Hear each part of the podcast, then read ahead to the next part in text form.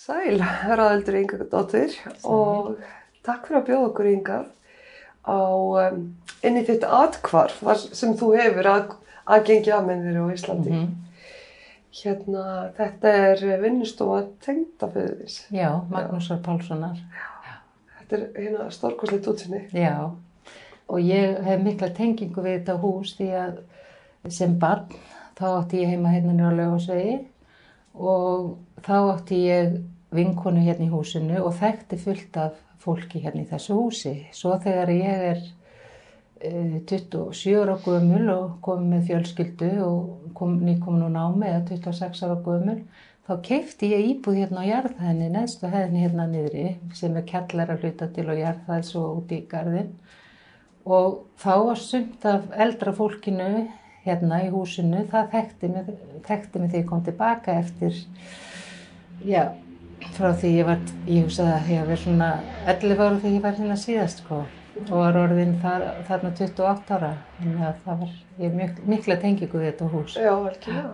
og síðan keipti sko Francis, sem sagt kona Magnúsar og Magnús uh, hérna íbúðina fyrir neðan um, ég man ekki kannski 10-15, nei meir en 15 árum. Já ég man þetta ekki alveg en, en og svo keipti þau þessa íbúð. Þetta er vinnu að hvar Magnúsar. Stórkoslegt að hafa gengið. já, það, það, það er það. Mér langar, komst bara aðeins á það, mér langar bara svona aðeins að hérna, setja sviði því sem sagt er. Mhm. Þannig að þú ert að, bara alveg upp hérna í þingoltunum. Nei, til tíu ára aldurs. Já. og síðan flyttjum við upp í Breiðholt, þá var Breiðholtið alveg nýtt og við flyttum í Bakkana Já. og ég átti heima þar í um, sex ár, minni mig, já. En þetta var alveg, það var alveg stórkostlegt fyrir mig að vera þar og okkur sískinni því að þá var ekkert efra breiðholt og þetta var bara allt mói og á, ellið áinn og allt þetta og við lékum okkur þarna á sumrin mjög mikið og, og þetta var indislegt svæði fyrir okkur. En svo flutti ég nýr í bæ aftur og við, sem sagt, eftir sex árið eitthvað svo ég man ekki alveg nákvæmlega hvernig þetta var, sex, sjö, átta, ég, eitthvað svo leiðist. Já, já, já.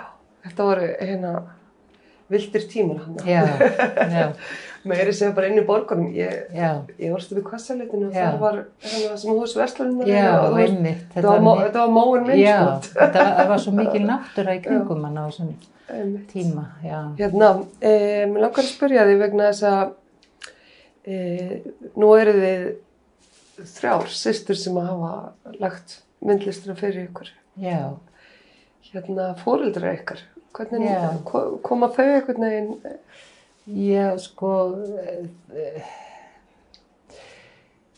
þau voru ekki listamenn sem slíkir en voru áhuga menn. Mjög mikil, móður minn hafði mikið áhuga á myndlist og, og listum og ljóð, hérna, ljóðagerð og öllu þessu og pappi var söngmaður mikill og hérna söng í kallakorum og svona en og, og þetta var bara móður okkar held, hún held í meira að okkur heldur en fa- faðir okkar sko. Og hún bara, þetta var eitthvað nefn bara ég veit ekki. Náttúrulega. já, náttúrulegt og, og eitthvað nefn mjög eðlilegt að, að fara þessa leið. Það var aldrei neitt aldrei neitt spurning fyrir mig eða Rögnu eða hérna Björgu sýstu mína Þeir eru ansi ólíkir listamenn líka. já, mjög ólík Já. listamenn. já Eins gott. já, já, við höfum ólíka, líka mjög ólíkan bakgrunn þó við séum systur, sko, við höfum þennan grunn auðvitað sem eh, börn, fóldra okkar og, og hvort annað auðvitað, en ég fer allt aðra leið heldur en um, Ragnar og Björg. Og Björg hefur unni miklu minna en við, sko, hún er búin að vera veik mikið síðustu áratugin og lengur en eh, Ragnar er bara vinnur alltaf ennþá sko. En, en ég fór sko, ég fór leið sem að hérna fór uppaflega, já ég var náttúrulega í, í ykkur hérna í Milskóla Reykjavíkur og ég var á, á fjöl, í fjölbörnskólum í Breiðholt og listasviði þar og og síðan eftir það fór ég í nám til Englands og þá fór ég á svona, það skóli sem heitir Emerson College og byggir á Rudolf Steiner uh, hugmyndafræðinni, sagt mm. anthroposofíinu. Þannig ég svona í gegnum þá heims, heimsbyggina og náttúruvísindin og annað sko, það, ég kem svolítið þaðan líka úr, eða, það er kliffandi í það hvernig, Já, ég hérna sem sagt fer í nám þar með vinkonu minni mm. og við sem sagt það er heimsbyggi, sem sagt heimsbyggi Rudolf Steiners og, og sem er mjög djúb á margan átt og, og það er mjög mikla tengingu við Östurlönd fjær og sem sagt bútisma og hinduisma og allt þetta skilur. Þetta er eins og samin á Östur og Vestur pínlitið hans hugmyndir mm. og, og þar las maður náttúrulega líka í ímislegt annað sem að tengist heimsbyggi og þar hitti ég Óli Vitscher sem að ég fór að vinna í projektífa geometríu með. Og hérna, já og það var svona, er ákveðin grunnur í mér þetta allt saman þó að hérna eh, ekki beint að ég sé, það er svona oft sem að maður sér ákveðina list sem að er tengd andrapósofi, ég fór ekki þálið, heldur meira Þetta er svona meira hugmyndafræðilegt hjá mér, þessi mm. tenging, en ekki útlýslega tenging. En sagt þessi projektífa geometri, þú mm. vinnur þetta með uh, Ólífi mm. Vitscher. Mm -hmm. Hún kennir mér þetta. Já, hún kennir þér þetta og þau þróið saman í rauninni ákveðum Nei, nei, við þróum ekki saman, ég bara læri af henni og ég vinn með henni og hún hjálpar mér og, og þennan ja. skilur þau og ég, svo held fyrir ég bara út í mitt líf og held áfram að vinna mína hluti sjálfstætt skilur þau, það er meira þannig sem þetta er. En þú kynntist henni eftir námið? Nei, já, sko, ég, var, ég kynntist henni í, á þenn tíma sem ég var í námi en ég fór ekki að vinna svona mikið með henni fyrir eftir námið. Mm. Þá fór ég til Englands, ég man ekki nokkur skipti til að vinna með henni, beint með bara með henni. Sko. Ég man eftir. Já, þú manst eftir. Já, já, já, þú varst hérna. Já, já varst alltaf að fara öðru hverju sko þegar þú varst að kenna mér. Já, það er mitt já, já, það er mitt já, þannig að það var alveg já, svona já, og þetta er mjög mikilvægur mm. grunnur í myndlistinni hjá mér og þó að það sé ekki alltaf það sem að endar með teikningunni en og, og líka náttúrulega sko draumar líka, mínir draumar og, og, og svona vísindi líka sem að tengjast inn í þessa projektífu geometri líka. Þetta er svona alltaf grunnur í öllu sem ég geri í myndlist mm. þó að það sé ekki það sem að komi Æ. fram á endanum en þetta er þar sem ég, þar sem ég byrja alltaf. Akkurat. Þetta er einhvers konar, ég, mér finnst þess að þetta sé einhvers svona hugleisla sem að kemur, ég hef alltaf upplifað ákveðna hugleislu þegar að horfa á það. Það getur vel verið sko Já. og ég náttúrulega hefur huglikt mjög mikið í gegnum mm. árin og, og það tengist líka þessu öllu og, og hérna en, en það er, já, getur verið sko, það er svona ákveðin kyrð kannski já. sem að skapast við þetta. Þú varst í SSat í rauninni þegar þú líkur námi. Já. Hérna, varst eitthvað áfram í Breitlandi eftir það svona Ég fór, eftir ég hæ, kláraði þarna í, í þessum skóla, þá fór ég í nám uh, sem heitir Art Therapy Já, og okay. held að ég myndi vinna með það, mm. samhlýða því að vinna í myndlist. Skilur. Ætlaði að vera praktísk Já. og fór svo þannig að ég lærði það og fór til St. Albans og gerði það, já, í, í skóla þar um, svona college þar. Og hérna en og svo kom ég heim og byrjaði svolítið að vinna vann kannski nokkur ár. Uh, en þetta gekk ekki upp saman eitthvað en þetta var of mikið það því þetta mm. er náttúrulega ekki já það er svona ég gæti ekki gert bæði. Ég verði eitthvað neina að aðskilja það. Þetta er náttúrulega alveg fag sem þú þarfst að já, gefa þig já, í. Já, ef ég ætla að árangri í arterapín og þetta er verið að hjálpa Já. að styðja við fólk eða einhvern veginn að leiða fólki í, ykkur, í gegnum einhver ferli eða hvað mm. má segja og, og það tekur náttúrulega rosalega miklu orku og tíma og ef maður ætlar að gera það vel þá verður maður bara að gera það. Sko. það ég gerði mig grein fyrir því eftir svolítinn tíma og snýr mér þá bara að myndlistinni. Umhverfið eh, ímynda ég mér mm. á Íslandi þegar þú kemur tilbaka. Já. Þá eru svona e, fólk sem er í, við segja, þinni kynsla listamanna, Mm einhvern veginn langflestir sem eru mentaðir e, e, í Hollandi eða Norðurlöndum Mm. og það er svona ákveðin e, næstu konsensus um, Já. um á, e, ákveðna hluti. mm. Eh, hva, hvernig var fyrir þig að koma inn í það eftir svona sérstæða er Já. rauninni svona ákveðið sérstætt Já, val það var svolítið töff. mm, Ég verð að segja það. Mér fannst mjög erfitt að koma heim. út á mörgu, ekki bara þessu. Og þú veist, þetta var náttúrulega, ég kem úr allt annar átt heldur en allir vini mínir hérna sem ég myndist að menn, það er ekki, skilur ég er með, með annan bakgrunn, sko, og, og hérna, já, þannig að, að ég gekk ekki beint inn í eitthvað, skilur ég hafði ekki verið í lista, eða sem sagt, myndlistaskóla, nei, hvað heita, myndlistaskóla Myndlist- handíðaskólanum, eins og allir sem að ég, sem sagt, eh, þessi myndlistamenn sem ég umgegst og, og þannig ég var einhvern veginn ekki, já, það var ekki alveg að ganga upp einhvern veginn en, en auðvitað, þú veist, svo bara held ég mína sýningar og, og þú veist, maður verður bara hluti á umhverfinu líka, þannig að þetta er svona, en mér fannst líka erfitt að koma að því að, eh, sko, það var líka ákveðin svona stemming í samfélaginu svo kakvart muslimum og annað, það var eitthvað svona hræðislan var miklu meiri. Og ég var svo, þetta, það tók svolítið á mig, sko. Mm, vegna þess að ég var vun að umgangast alls konar fólk úti og það var í, í þessum skóla sérstaklega Rudolf Steiner skólanum eða hérna háskólanum eða hvað að kalla það að þar var fólk allstæðar að með alls konar bakgrunn og þetta var bara normið það, en það var einhvern veginn ekkert bara hér, þetta var bara svona almennt að byrja þessi fóbía. Og hún var mjög sterk hérna fannst mér.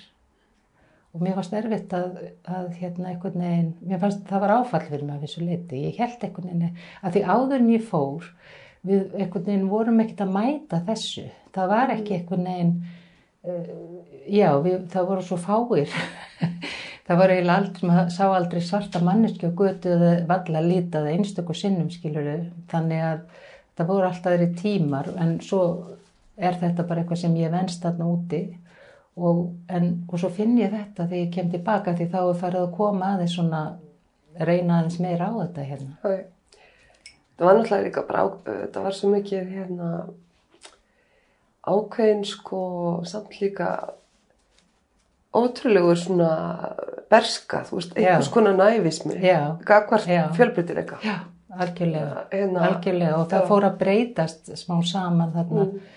á nýjunda áratögnum sko. Já. Þá var svona hægt og rólega að koma matsölustaðir með fólki sem hafði fengið að koma hingað, voru kannski flóttamenn af þessu leiti, pólitískir eða bara líka vegna átaka eða hvað sem er sko og, og þá fór að spretta upp svona heinar á þessi matsölustaðir sem að, sem að þetta fólk hérna Já, e- eða sem sagt úr menningu þessa fólks og þannig að smá saman fór það að aukast meira og meira, já. Svo náttúrulega byrja kannski Íslendinga líka að ferðast meira á nýjunda ártugum. Já, Þannig að það er líka það, já. þeir fyrir að giftast líka bara, Já, þú veist, fólki sem, út í- já, út í heim, hér já. og það, Já. sko, hérna, já, makarnir komum Já. maður tilbaka Já. með Já, já, þetta var sérkynlegt þegar maður hugsa tilbaka. mér finnst sko eitthvað, e, sko, ég að- e, held að í rauninni, sko, sérstaklega hjá eldri fólkinu, þetta hafi verið, sem sagt, eins og ég segi, berska. Já, Og það sem ég hef fyrir mér í því er þegar ég, hérna, ein amma mín var með mér í París. Mm. og ég var að fara að hitta góða vinkonu mína sem er hérna, doktor listfræði. Og, hérna, hennar mann voru, þá var þetta mann þau voru búin að búa saman í mörg ár. Og hann er lögfræðingur og bara rosa flott par. Og hérna e, og ég glemd að segja ömmu að hann væri með dögt hörund og hún alltaf ekki komast yfir það hún "Ó, hann er Já. bygga svartur hann er bygg og svo var hún alveg bara svo voru svo Já. hissa á því að þessi vinkonu mín sem að væri svona rosalega glæsileg sko, Já.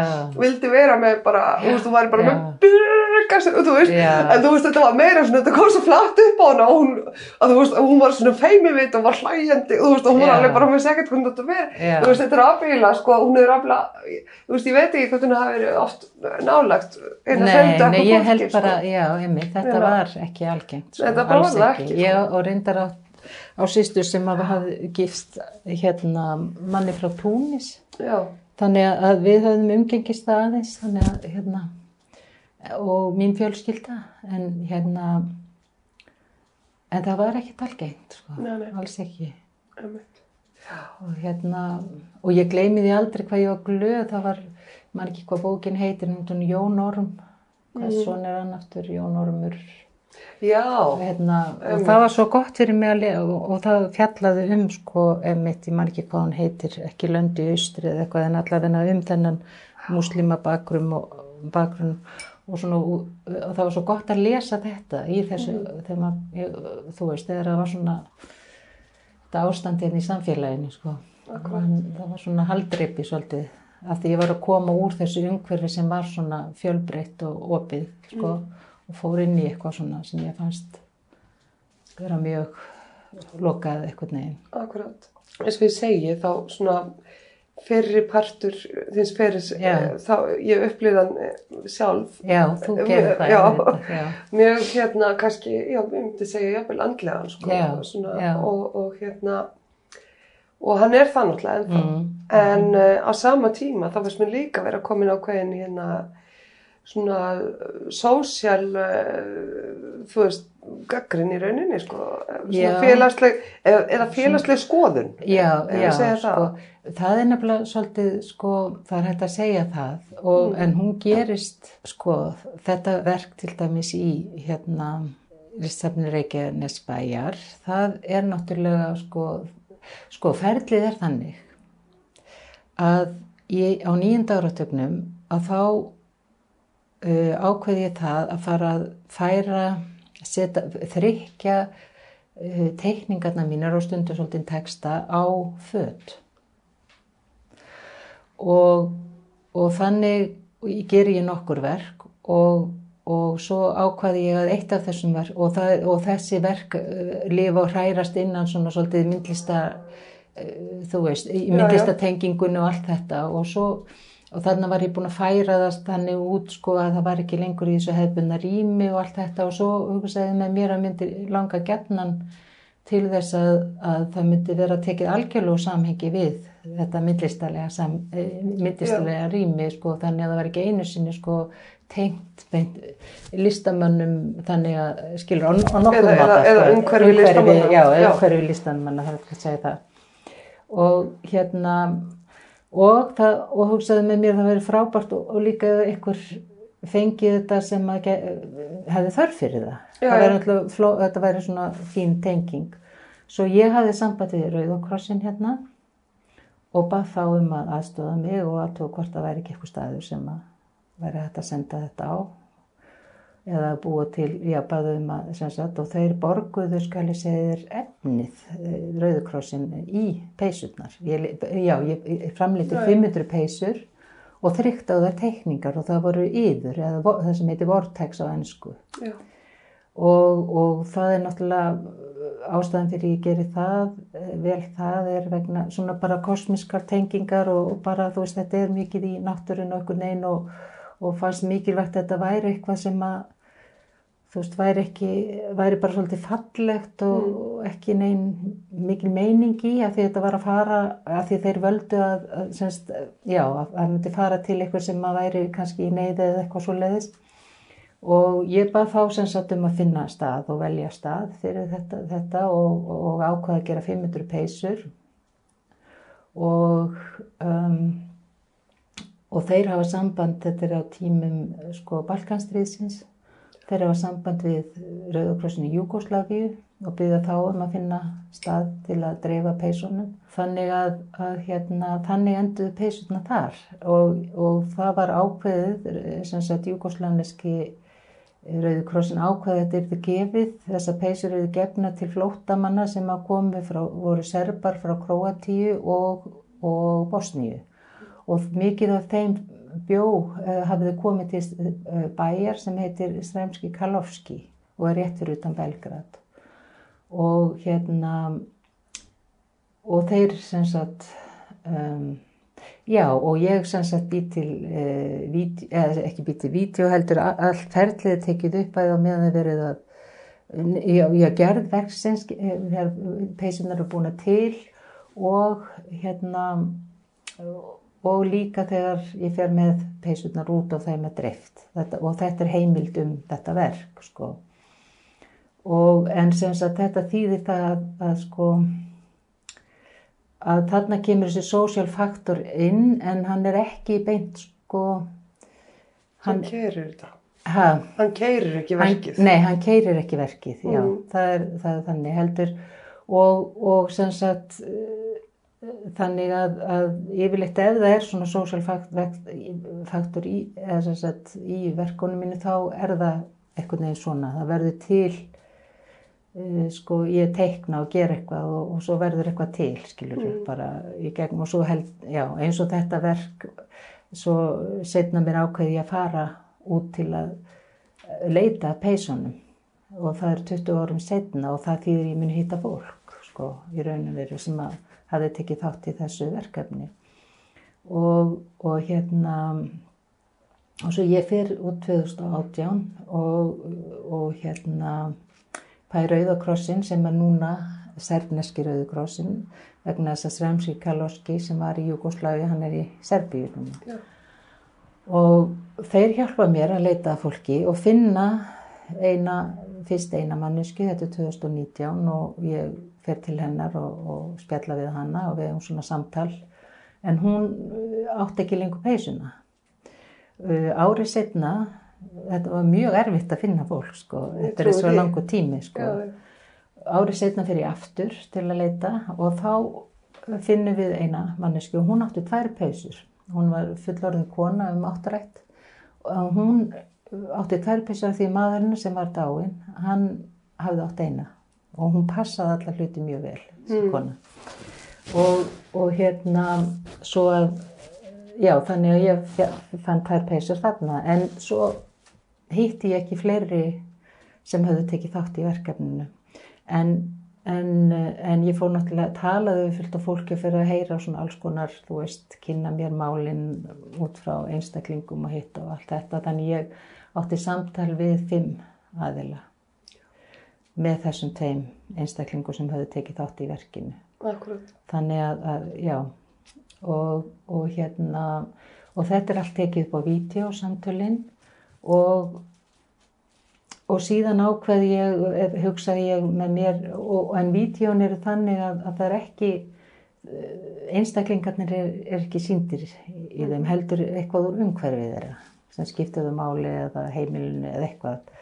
Og, og það er svolítið mikilvægt að því að þetta er svona ekki alveg, um, ég, ég hugsa með mér að það er svona kannski til að venda þau og líka að þau hver og einn einstaklingu tala kannski fyrir þúsund manns eða fleiri skiljuru, þetta er ekki, þetta er reynsla sem að af fólki í gegnum sko, þannig að þetta er í rauninni, en, en allavega þá hérna, já, geri ég það þannig og síðan ákveði ég að hugsa með hvernig ég get tekið þetta áfram og, og þau náttúrulega tala serfnesku, flest þeirra og tala ekki ennsku, svo ég hérna ákvað það að, að þrykja af því ég hafði farið með peysur og sem ég, ætla bara þrykja á bóli, ég ætla að þrykja eh, sem sagt úrdrátt úr samtölunum á bakið á bólunum og setja teikningu framan á og, og þá voru sem sagt ég fekk eitt samtölun náttúrulega þýtt, ég var auðvitað með tólka með mér eh, á staðnum og þannig ég sem sagt, og þannig að textarnir eru á ennsku sko. Já, og en í sjálfu myndböndunum eh, þá eru þau talaðu sefnesku sko. þannig að þýðingin er á bólunum Já, ég skil. segja það sko. eitthvað svona leið til þess að festa orðin. já, festa orðinu og líka bara fólk eh, sérna þannig að fólk er sko bera þau áfram. Já, bera þau áfram og, og þá veit fólk hvað þau voru að segja, skilur, þá þau skilja ekki sefnisku, þannig að það er mikilvægt að þetta. Og hérna, já, þetta er sem sagt sá hluti verksins og þetta eru 30 textar og því 30 bólir, en það eru þrjár teikningar, þannig að það eru 10 Já, bólir með Sikkur sikvara teikninguna, en hver bólur með sikvara texta, sko. Þessi kapli verksins Já. heiti og fallegu nafni. Já, hann heitir Vin- Vinglar Mm. í rauninni vegna þess að, að hérna, já, það er svona hugmyndin er svo að, að hérna, að það eru ólíkir vinklar, mm. að fólk hefur ólík sjónar, sjónarhorn á hvað gerðist. Það er mismunandi upplifun, mismunandi skilningur og allt þetta og þess vegna heitaði vinklar og ég gerði semst teikningar framan á þá sem heita líka vinklar og eru byggður upp af vinklum. Hann er lagað, Já. já. Ég hérna, þess að ég sagði áðan, sko, er, e, ég skil e, sem sagt að vel að sem sagt að þú ferð út í þessa vinnu á forsendum myndlistarinnar. Já, og ég skil vel að, að hérna þessi, þessi listlutur hann, hann sem sagt e, dreigur í sig umhverfið og, og fer í gegnum ákveðna umbreytingu Mm, í gegnum þetta umhverfi sem að, sem að listluturinn er stattur í. mm, Þannig að e, þegar þú kemur aftur af, að, að verkinu og finnur þessa hérna, þrjár peysur, Mm. þá, þá er þetta þá er þetta eins og bat sem að ekki hefur sérst í, í 20 ára og er orðin eitthvað Já, allt annað. eins og ég sá á einhvers staðar að sko þú sagðir hérna ég er ekki svo sam og ég var fyrir 20 Nei, árum nei, nei, Og ég, nei, en ég er samt ég já, er þannig að þetta er sko. náttúrulega bara er svolítið þannig Já, það er nákvæmlega þannig. Já. Og hérna e, en, það, en um, mitt komment um sagt e, félagslega er enni svona að skoða félagslega Mm. hluti Mm, kemur út af því að þú sem sagt sýnir okkur ekki andlit Mm. og, og, og svona þú veist en hérna tekur eitthvað úr umhverfi mm. mm, ef við komandi mm, og það er náttúrulega er alltaf líka rosalega skart hvað, hvað þú ákveður að Já. að sína okkur. Nákvæmlega, já. og hérna ég upplifi þetta fólk mjög stærst Mm, í gegnum og það er þessna sem ég var að segja Já. að mér finnst samt sko bara til dæmis svo að velja þetta.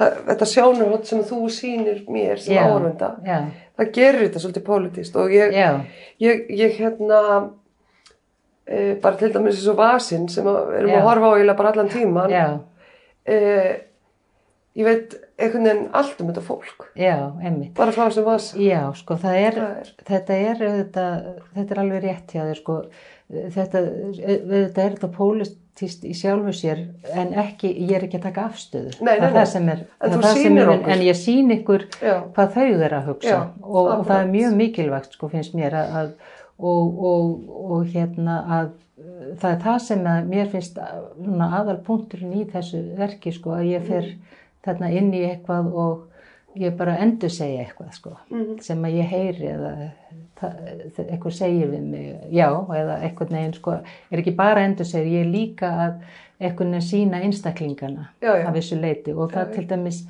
held ég í skúltúrunum til dæmis að sé mjög, og lámyndinni sé mjög stert og, og þá, þá með eins og bílinn sem er Júko sem að var framleittur í Jú- gömlu Júkoslavíu að, um, sem að ég gerði svo í gerði þennan Júko í, í bívaks og hérna og ástæðan fyrir því var vegna þess að einna viðmælundum mínum hann sem er skáld, hann uh, hérna bauð mér, hann á Júgó hann bauð mér í, í ferð í Júgónum niður að Ánni Söfu þar sem hann á lítið hús við Anna og, og, er, eh, skrifar ljóðin sín sko. Mm. og, og hann var mjög stoltur af bílnum. Hann, og það skipti hann svo miklu máli og, og þetta hafði verið búið til í Júgoslavíu og þetta var bara mikið mál og maður sé- heyrir mjög ofta fólki það saknar Jugosláfi, almenningur saknar Jugosláfi og þetta er eitt, eitt tákn um það. En, en allavega þá ákvað ég að gera bílinn honum svona til þess að, að því, og það gerir þetta meira persónulegra í rauninni sko. Já, já. Það, hann átti þennan bíl, hann skipta máli og allt þetta.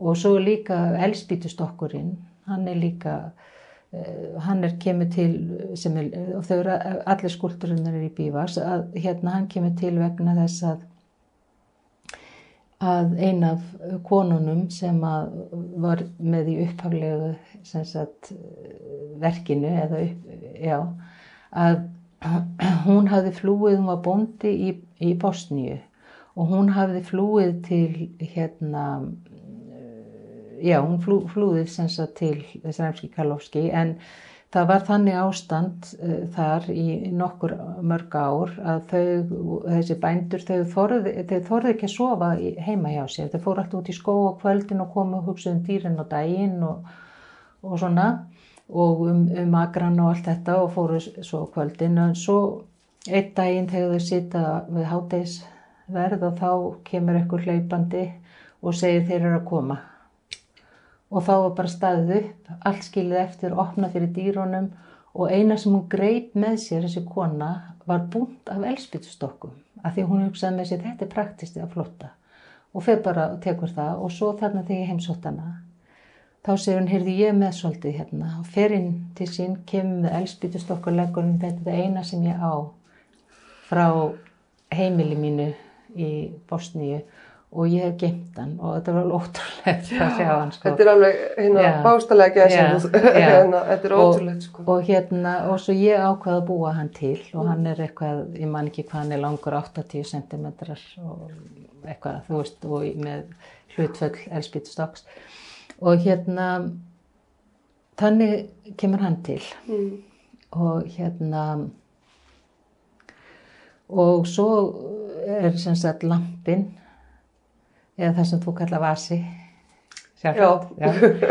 Að hann er hérna það er þannig að, að hérna að konan sem að hjá Rauðukrossinu sem að hjálpaði mér öll þessi skipti frápan manneskja hún, maðurinn hennar er alltaf búið til lampa. Og endalust og alltaf því kom til til, eh, þe- já, öll þessi skipt sem kom núna eftir 2018 til Serbíu, til, til Belgrad til að, og Serbíu til að vinna verkið, að þá vildi hún alltaf fá mig til að taka myndir af lömpunum hans sem var að framleiða. Svo ég gerði það alltaf og það er svona einhvern veginn svona virðing við hana skilur. Að búa til lampan og reyna að, þú veist, þetta er líka þegar maður býr til eitthvað svona sem skiptir hana fólk máli það er einhvern veginn tengingin manns við það verður öðruvísi. Er einhvern veginn og, og þetta efni líka bíflugnavaks, þetta er mjög gjöfult efni og hérna og svo er það eins og þú bentir á að ég hafi talað um að ég notaði vaksa því að það er á milli þess að vera fljótandi og, og, og, og hérna, hvað heitir það hérna Solid. solid, já, massíft Massíft, já. og hérna Fast. fast, já, þannig að það hefur möguleika á að hverfa mjög auðvölda Já. og það er mjög mikilvægt eins mér að það sé ekki eitthvað sem að verður óendarlega þarna kannski bara einhvern daginn að drasli það er þetta svo precious sko, þetta efni og það er líka svona ákveðin hérna, kærleikur í því sko, Já, og hérna, og líka bara þessi tími. þá. þessi tími líka, Já, algjörlega það er það sem er mjög mikilvægt sko. og, og hérna já, þannig að, að og vídeoverkið eh, frá henni sko er bara þessi mi- eh, myndir af lömpunum veginn og, og hérna og það er, það er bara tónlist og ég ákvað að hafa bara tónlist þar vegna þess að, að hún er starfar, ég átti mörg samtöl við hann og tók þau upp en ákvað að hafa það ekki með að því hún er starfsmæður Rauðukrossins og hérna það er ekki ethikal að, gera það að, hún sé að tala inn í þetta vegna þess að það er, eh, já, þeir meg ekki gera það í rauninni, sko, en það var mjög, ég vekk mjög mikilvægur upplýsingar frá henni samt, sko, en notaði ekki sem hlutaverkinu, sko. Þannig að þessi tónlist sem er þar, ég þegar ég fórðanga 98 að þá leitaði ég að einhverju balneski tónlist og langaði ég eitthvað svona og fann þar uh, hérna uh, svona eiginlega þjóðlaga tónlist sem að uh, hérna svona mann ég ekki hvað tónskaldið heitir, útsetti þetta er tónskald sem allir þekkja í, á Balkanska, ekki bara í Serbíu skiluru og, og svo þegar ég kom þangað 2018 og satt í leigubílnum frá flugvöllinum og þá bara hljómaði þessi tónlist í bílnum þannig að mér finnst bara flott að setja, já, setja, Mm. setja hana þarna sko. Svo er það sem sagt lámyndin og hún er af, af fjölskyldudýrlingi að því að í, í, í sefnisku orthodox trúni sko að þá ákver fjölskylda sín dýrling og það er eina af þessum konu sem að flúði frá Bosníu, það er flúðu báða frá Bosníu þessar konu sem ég heiti, að hún var orðin mjög trúið, varð mjög trúið eftir þessa reynslu já, sína sko, hún var fyrir því að vera, já það sprengja sem lendi á heimilennar og svona og hún er sköttuð en þá eftir það og höfði og svona. Já, og, og þannig að ég, þessi heimilistýrlingur er þarna inn á heimilennar og það er mynda málverk skilur og ég bjó hann til í lámynd þannig að það er svona líka eitthvað neginn tenging við hana. Að þetta eru þetta, personar eru þarna líka sko, já, algjörlega. E, sko, og svo er líka svolítið merkilegt við þetta verk er það að, að hérna að sko það er sem sagt ég er búin að segja frá fjórum sem ég talaði við og sá fymti er myndlistamæður sem að er um ferstugt þannig að hann var barn þegar að þetta var í stríði var í gangi. Og þegar við talaði sérstaklega við konurnar þá er þetta lýsa þessu öllum mjög tilfinningarlega og þetta er mjög tengt eh, sko og eiginlega svona maður getur sagt þetta séu mannesku sem standa þarna bara út á ak, eins og út á agrinum allt innu bara eitthvað farið komið stríð skilur, hún ekki, var ekkit skilur, fólk var bara þarna að vinna og, og vera til og eitthvað neinn og svo er náttúrulega einhverju sem hafa hugmyndir, það eru hugmyndirnar, idealismin sem að ákveður að það eitthvað þurfa að breytast og, og þannig verða þessi hlutir til svolítið að, að hérna og en svo þessi ungi maður, hann, hann er alveg frábæri myndlistamæður, hann, hann talar miklu meira objektiv um þessa hluti. Hann er sko að tala um sko hvað gerðist uh, bæði sko innan frá Jugosláfi og allt sem er utan frá og skilur og er að horfa á þetta í öðru samhengi og það sem hann vinnur með, þessi myndlistamæður, hann er, hann vinnur með sko eftirmála af því hvað serbarni gerðu í þessu stríði og hann er serbi sjálfur og hann tekur það mjög alvarlega og vinnur með það sko, hvað gerðum við, skilur mm. og mjög, gera það mjög fallega að máta og það er sem sagt mynd, það vídeo er sko af einni byggingu uh, frá títotímanum sem að er mjög hérna já það er mikið af mjög flottum byggingum frá þessum tíma, það er frá 60 til 80 eða hvað svo leiðis eða 70 þarna í Belgrad og sjálfsagt á fleiri stöðum í í Serbi og gamlu Jugosláfíu sko, alveg ótrúlega flottir. Það virkar svona svo, eins og bara alveg, eh, þú veist, allt brutt Já, bara alveg og, og hérna og talandi um sko svona veist, það- ég meina þetta er bara sjónsteipa, Já. þetta er bara ótrúlega fallega áferð á steipunni er, og, og þetta er bara menn allt var í alkoholískjendu Já. hér og Já, var að flytja inn sement og eitthvað, og, Nei, þetta eru ofbáslega sterk, sterk Mm. þarna allstaðar í umhverfinu, sko, þessi arkitektur. einmitt. Og þannig að það sýnir bara þann tíma svolítið, sko, þegar hann er að tala, sko, en ég er ekki með neitt skúltur fyrir hann. En þú ert með kenningu hins vegar um af hverju byggingarnir hafa haldið svona vel. Já, býtu var ég búin að segja það.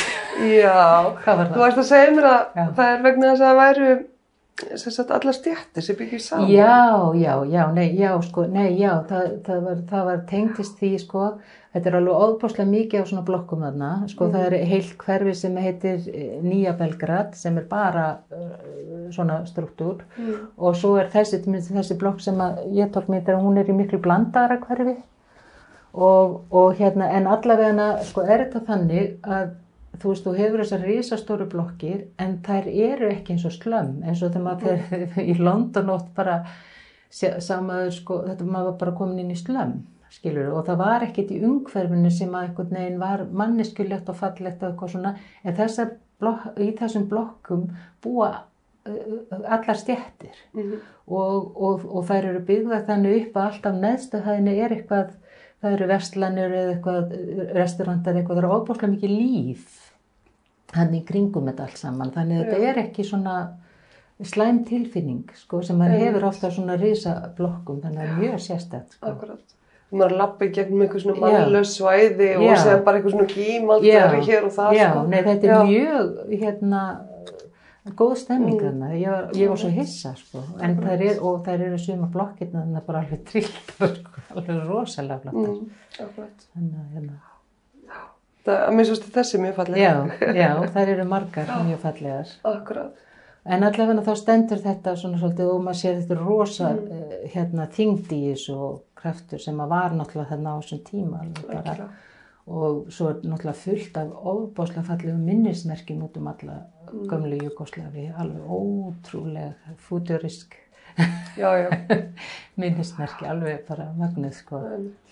En, hérna, já, þannig að, að þetta er svona í grunninn, ég held ég ábyggilega glemt eitthvað og mista eitthvað út, en já, og svo er náttúrulega tekníkarnar líka sem að uh, heita sko hugleðingar um, um þingdarbylgjur, eða gravity waves. Og við ákvaðum að setja það af því, af því að í rauninni byrjar þetta verk uppálega í tekningu um, skilur, þó að þetta séu ný, þetta er nýja tekni eða frá Mhm. því fyrra að sko að þá er upprunni verksins í tekningu í rauninni sko að, en samt leiðir það allt ferða áfram í þetta skilur það er þessi tími og einhvern veginn þetta verður ekki já, þannig að já, já, það verður að þessu sko ég skil. þannig að, já, Það er eitthvað við hérna þessa einsetningu hjá okkur í Lissafni Reykjanesbæjar. Hvað efnið einhvern veginn passar ótrúlega vel við, við bara sagt, umhverfi salarins sem þú ert að segja inn í.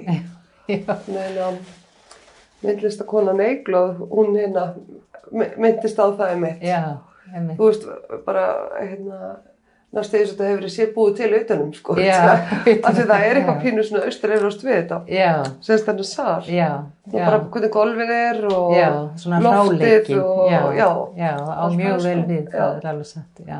já, það er veginn svona. já, að það er líka sko einhvern veginn oft allavega en þá, það er oft, mér finnst oft erfiðar að sína inn í rými með parketti og einhvern veginn svona, það er eitthvað, það verður eitthvað annað, skilur, þannig er þessi ráleiki, hann gefur svona ákveð, það er svona, já, gefur ákveð rými fyrir annað, Já. veginn, ég veit ekki alveg hvernig ég útskýra það, það er ekki alveg, um leið að koma parkett, það bara breytist svo mikið. Það er bara náttúrulega svo efnisríkt. Já, það er svo efnisríkt, já, Það, það það er. er einhvern veginn alveg. Já, það er, já, það er rétt. Og hérna domestic. Já, það er það Já. sko, það er það. Og það er náttúrulega líka sko, og líka vídíón bara mér finnst þau vinna vel í þessu rými mjög. Svo gerir þetta er það. bara Já. ável við svona, já, Mér langar að hérna spyrja það svona núna tilbaka, sem sagt svona, ég ætla, að ég ætla, ég ætla að spyrja þig hvernig þú heitir Tuma, mannið, ó, Tuma Magnús. já, byttu nú við. Já, við vorum búin að vita hvort öðru svolítið tíma áður en við fórum að vera saman. Sko, við vorum, eh, við áttum sameilega vini Mm. í rauninni, sko. Þá, ég var í námi í Breitlandi á þessum tíma og þegar við fórum að vera saman, við höfum hýst hérna áður í gegnum sameilega vini, sko. Þannig að bæði myndlistamenn og líka bara ekki myndlistamenn og svona. Þannig að við vissum af hvort öðru og hérna, já, og svo bara, ég var í sumafríi frá námi hitti ég hann og þá einhvern veginn bara Small þetta. já, já, það gerði það Var það hann sem tókaði þið aftur til Íslands? já, sjálfsagt Já. gerði það hann hérna, ég, mig langa já, eiginlega sko. og hann hafði náttúrulega sko myndlistalega séð miklu meiri fórsendu til að koma hinga heldur en ég Já. Því að hann kemur var í skólanum hérna var búinn að vera byggja í rauninu sko þó að hann hafi bara verið tvö ár hérna því að hann vildi ekki vera í að eina deildi sem hann vildi fara í var fjöldteknideildin en pappans rak, var að rekanast þannig að hann bara fór út í staðin en hann var búinn að byggja upp þennan grunn sko sem ég var ekki búinn að byggja upp hérna. Ég var ekki tengd mikið inn í myndlistalífið senuna hér sko þannig að en fyrir hann var það og þannig ég fór bara með. Já, já. og var náttúrulega búin að eignast ellið þá Já.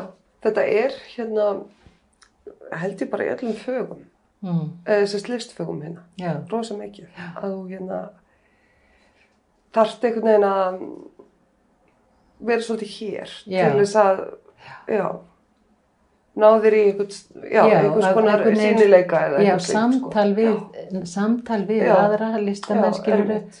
Og, og þannig verða eða var þannig allan að verðu verkefnin til svolítið maður sér þetta líka með leikara og Já. svona, þú veist, þetta er með Já. mjög algengt, þú veist, að já, þú er hérna mjög fínt, Já. velmentaði leikari Já. og hérna, Já. úr, hérna Queen's College eða Já, hvað já, sem já, þetta já, heitir já. alltaf ná í Breitlandi, sko, að, Já. og svona einhverja öðrum líka, sko, og Berlín og alls konar.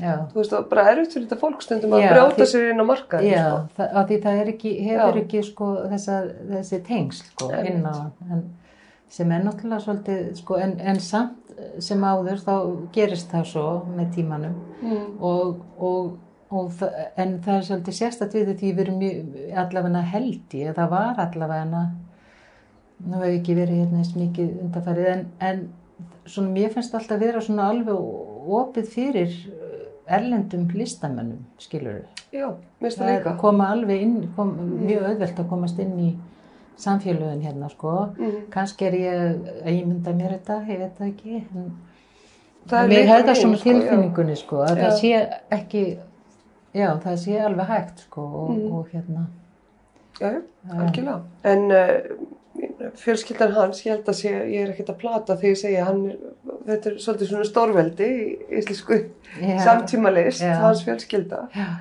Og hérna, og hvernig var að koma svona, koma inn í þessa fjölskyldu og vera myndlistamæður líka. það er, Hmm. uh, ég veit ekki hvernig ég var að svara þessu þetta ég bara ég hugsi ég hef ekki hugsað það einu sinni lof. já, ég held að ég held að ég hafi bara Já, við vorum bara einhvern veginn saman að gera, vera til skilur Mm. einhvern veginn, ég held að það hafi verið svolítið þannig fyrir mér auðvitað þú veist já, ég held ég hafi ekki hugsað mikið út í það en það bara, auðvitað pappans Magnús náttúrulega bara er þarna að vera að gera sína hluti og, já, já, og hérna ég, og sem ég fannst merkilegu listamæður, ég sá þetta ekki öðruvísi, bara, Nei, nei. veist, þetta var og síðan var maður bara svo upptekinn skilur ég, var með fjölskyld búin að eignast batn og við komum hérna aftur og Já. maður var bara einhvern veginn að reyna að já. vera til einhvern veginn sko. Þið eigið tvö börn. já, Já. elliða og borgildi Akkurat. Og hérna, þetta er náttúrulega að því að þessi karriér, sko, ef, sem ég segi, ég að mér sem myndlist sé ekki einu svona karriér. Að, að því að það er Já. bara mm þú eða Já. eitthvað, slíkt, sko. manneski. Já, já. Þannig að uh, margum, ég veit um fólk sem finnst þess að það sé að tala listina niður með að tala um þetta sem karriér. En þú veist, það er náttúrulega bara sett. En ég segi svona, hvað á ég samt að segja? Þannig að ég er að spyrja um þetta. Hérna, það er svo, ég menn þetta er ótryggt, þegjulega og annað og já. það er ekki fyrir hvern sem er sko að stopna fjölskyldu með, nei með, með þessu Já. Já sko ég hugsa þetta er náttúrulega þannig að ég held að eitt mikilvægasta í þessu öllu saman er úthald. Mm. Þraut segja. Vegna þess að, að, sko, þú veist, ég, ég held að það sé ekki mjög há prósenda sem að útskrifast úr listaháskóla með myndlistamentur sem að verða myndlistamenn. Ég held að sé frekar lágprósenda. En þetta er frábær mentun og þetta nýtist fólki mjög vel og það er alls konar í, í tengdum fögum, sko. Mjög, mjög gott, sko. En það er ekki af því þau eru slæmi að heldur þetta er bara karakterin líka, sko. Þetta er, Já, já. þú veist, og ég bara vil gera þetta. Þetta er, ég hef þörf fyrir að vera myndlistamenn þá legg ég ímislegt á mig fyrir það, skilur við. Og, og við náttúrulega höfum alltaf hjálpað hvort öðru, það er bara þannig. Við, maður verður að gera það, sko, Já, já. líka. Og stutt hvort annað og, og svona. Þannig að, hérna, þetta, maður hefur, þetta, þetta hefst, eitthvað neginn. Akkurat. Og hérna, já, ég held ég geti sagt það, en þetta er, þrautsegja er eitt aðalatriðið í þessu, að halda þetta út. Um, Að því maður er ekki aldrei með örug laun, maður veit aldrei hvernig næsta ár er og allt þetta og þannig þetta er rosa stapp. algjörlega. En svo er líka, ok, við hór þá til, sko, myndlistamanna sem eru konur. Eh, einn kennari minn út í Fraklandi eh, sem var bara frægari listfræðingum eh, frakka.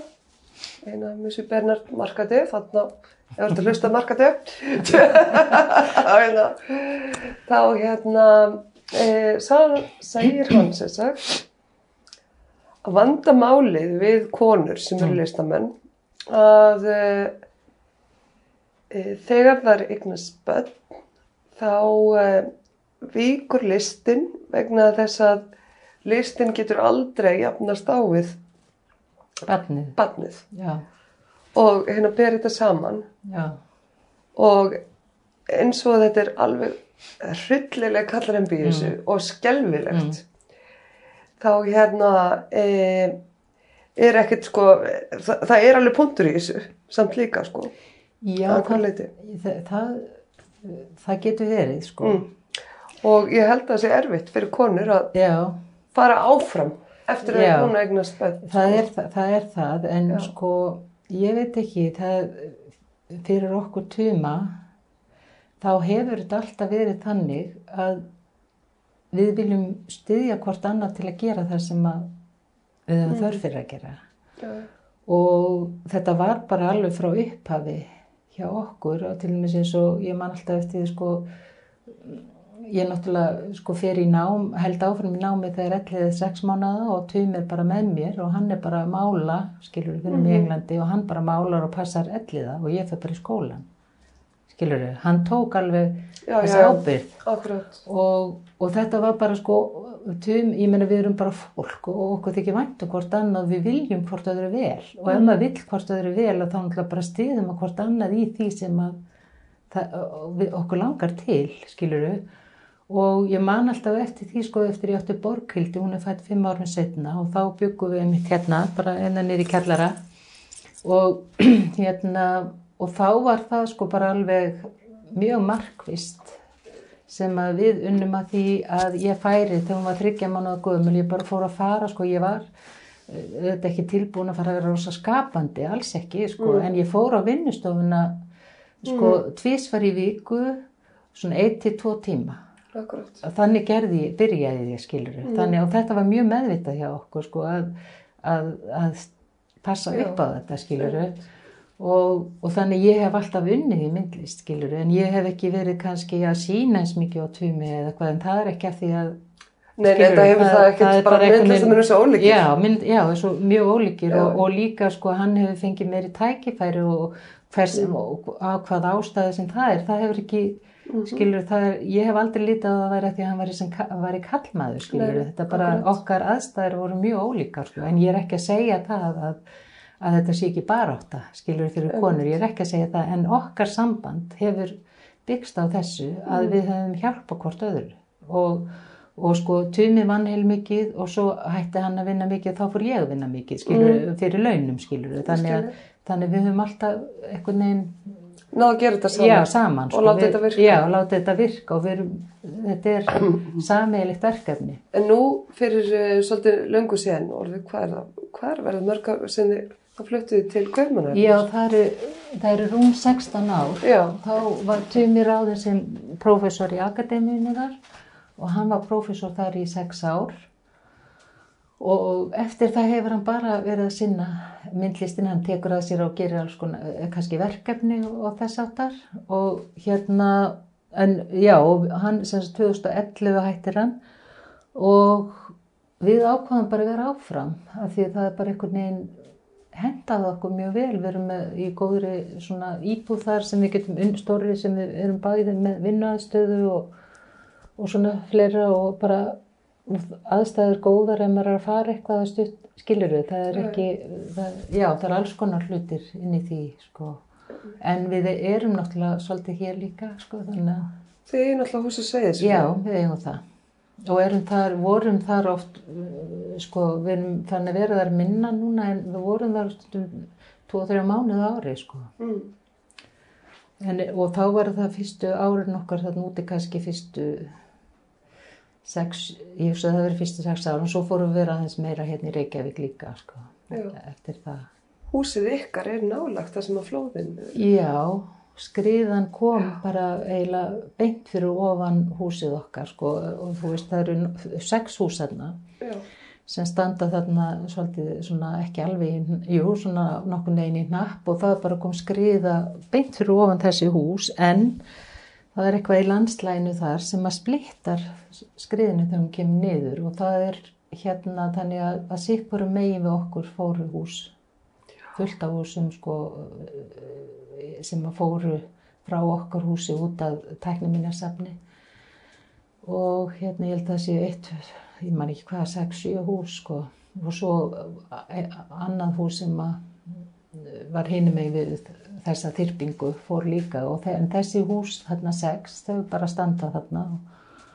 Og það sem okkur er sagt að það mun aldrei koma á húsið okkar þeir eru bara búin að gera alls konar tilraunir og, og á einhverjum hérna einhverjum hermum sem að búin að henda niður fullt af Já, já, já. rosa sko og það er bara kemur ekki og það er af því að þessi sex hús þau standa á gamalli skriðu sem er svona kannski 2000 ára gömul Mm. og þannig að landslægið er þannig að það, það splittast alltaf, kemur Ok. ekki þarna.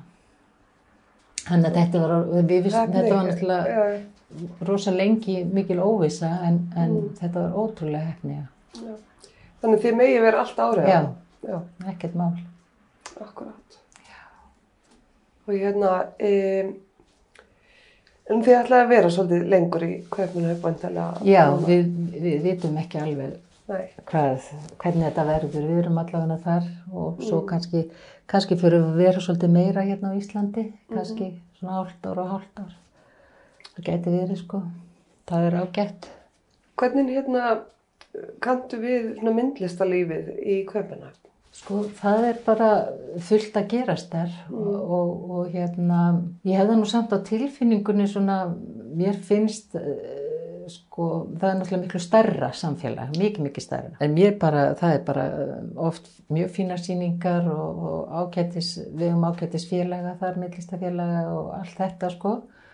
Og hérna, en okkur finnst alltaf svolítið meira spennandi hérna það er eins og það safnist saman eða svona það sé svona meiri af því þetta er lítið að það sé svona meiri svona hvað segir maður?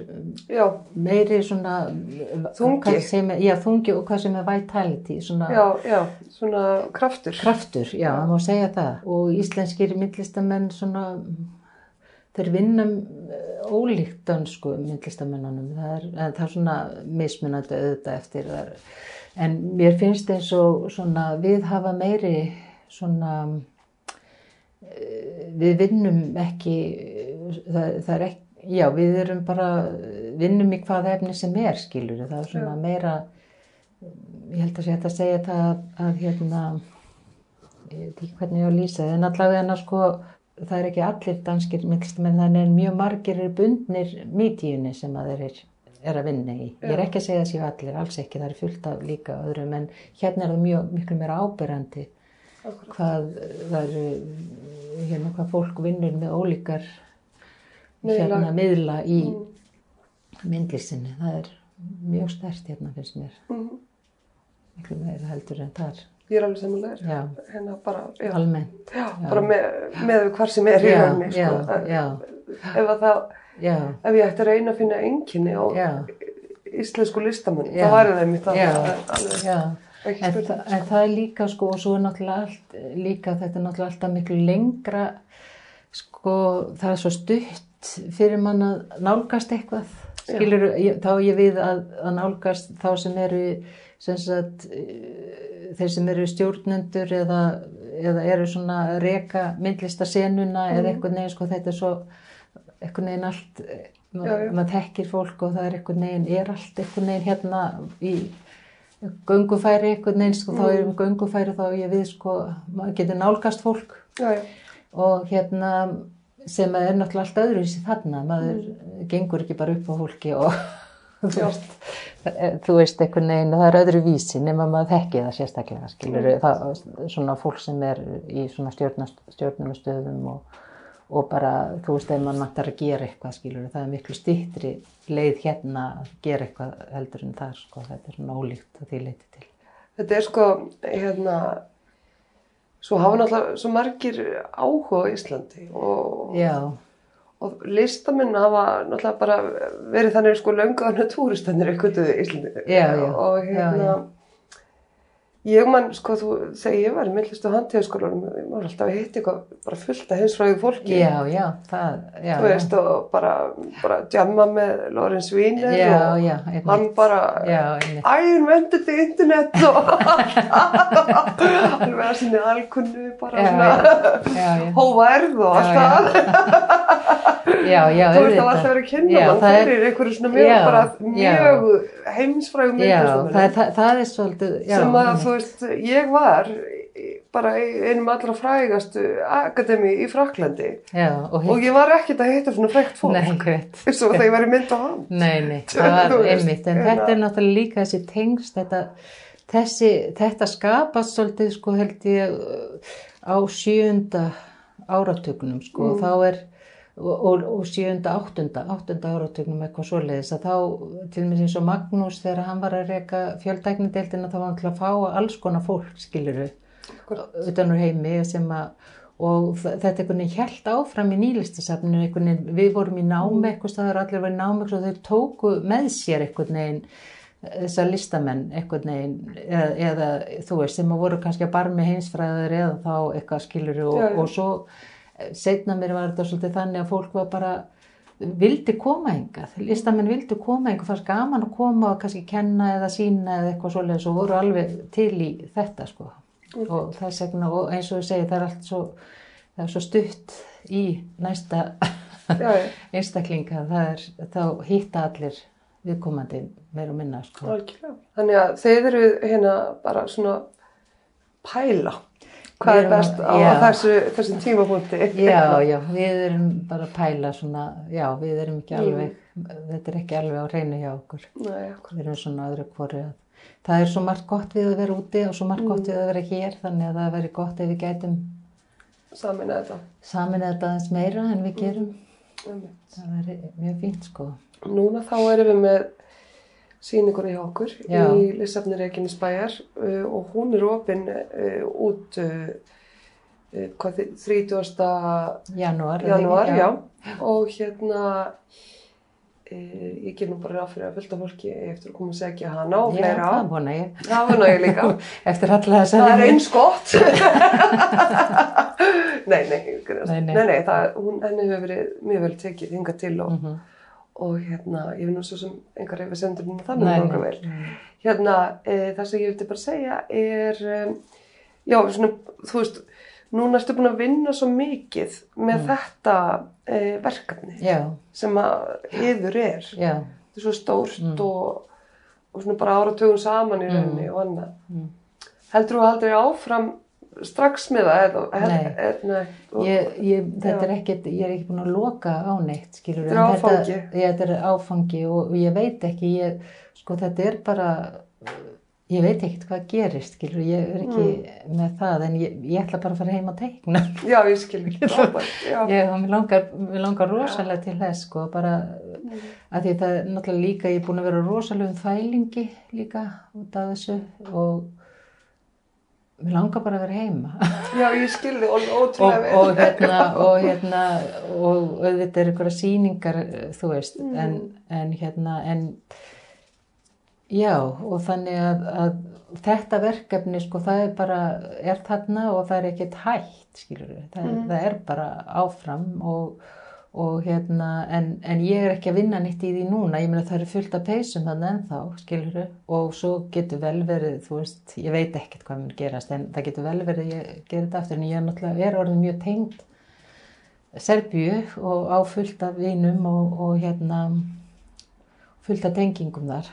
Þannig að ég mun fara þangað aftur en, og það getur vel verið að skilur eitthvað gerist sem að tekur mig áfram en, ég, en það er ekki eitthvað sem ég ákveð eitthvað en núna Einmitt. en það getur verið að það, það mun eitthvað koma til mín sem að mér finnist ég þurfa eitthvað en draga fram En er þetta ekki pínu lítið léttir?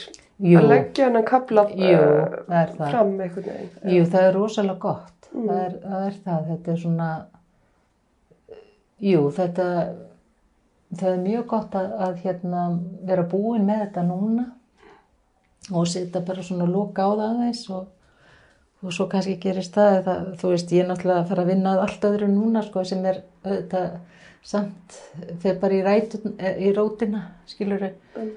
með það sem ég geri og, og hvað það verður endanum, ég veit það ekki þá þannig að Spennandi. Já, þetta er Eilíf enduníun. eilíf endunín, já, Ráðildur. Takk hérlega fyrir að tala um okkur í dag. takk fyrir mig.